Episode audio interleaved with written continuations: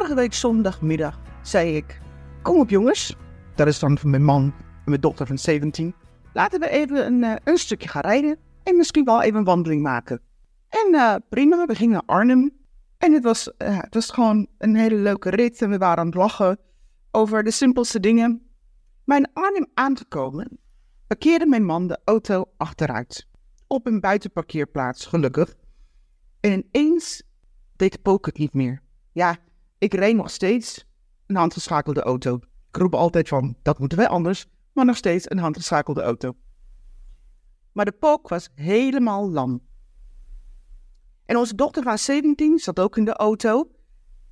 En heel even waren wij gewoon stil. Ik zei nog, laat mij maar even proberen. Omdat ik daar zat met een beetje ongeloof. Ten slotte ken ik het helemaal niet, een pook dat helemaal lam gaat. En ik stapte weer terug naar mijn eigen plek. En ik begon heel hard te lachen en ik riep, deze auto is van de Heer. Doet u het niet meer, dan uh, heeft God wat anders in gedachten. En mijn man kijkt mij aan en hij zei, oké, oké, okay, zo heb ik er nooit over nagedacht. Mm dit is nieuw. En mijn dochter zei, nou, ik hier toch ben, ga ik in ieder geval even door de stad lopen. Ik zie u later mensen, tot ziens. Daar belde de ANWB en die kwam een paar uur later. En om de auto natuurlijk wel weg te slepen. En ik moest denken, als ik mijn mond zo vol heb, weet je, van mijn geloof, dan zijn het vooral dit soort situaties die eigenlijk wel aangeeft wie ik ben. Natuurlijk is het verschrikkelijk. Natuurlijk, als je daar staat, het is min 5 graden, de pook doet het niet, de auto heeft geen verwarming op dat moment. Kan je natuurlijk wel kiezen voor heel veel dingen. Maar ik koos ervoor om te vertrouwen en het op, op Gods schouders te, te laten rusten. Weet je, niet boos.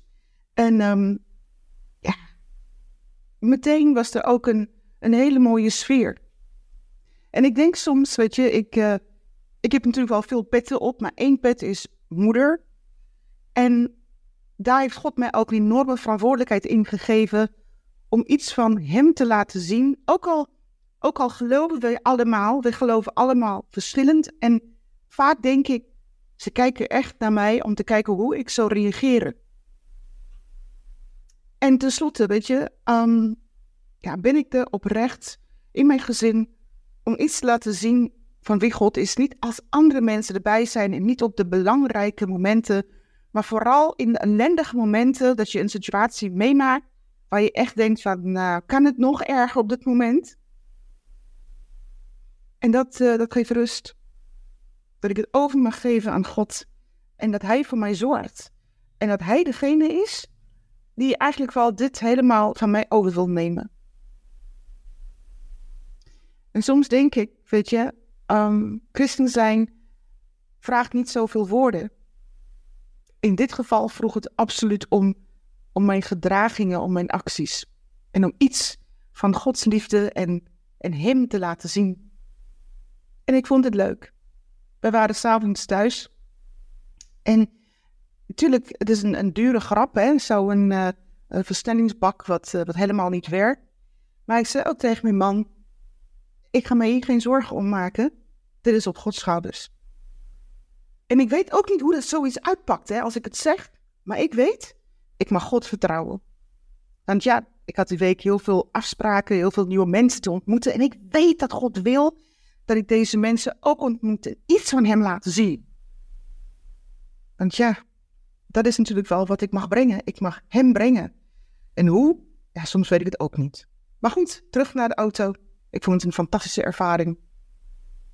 En ik hoop dat ik altijd in die situaties zo mag zijn dat ik, het, dat ik niet boos word en niet afreageren, maar iets van Gods liefde laat zien. Dus ook zo'n pook, die brengt mij toch wel dichterbij en mijn gezin een andere gezicht van wie God is.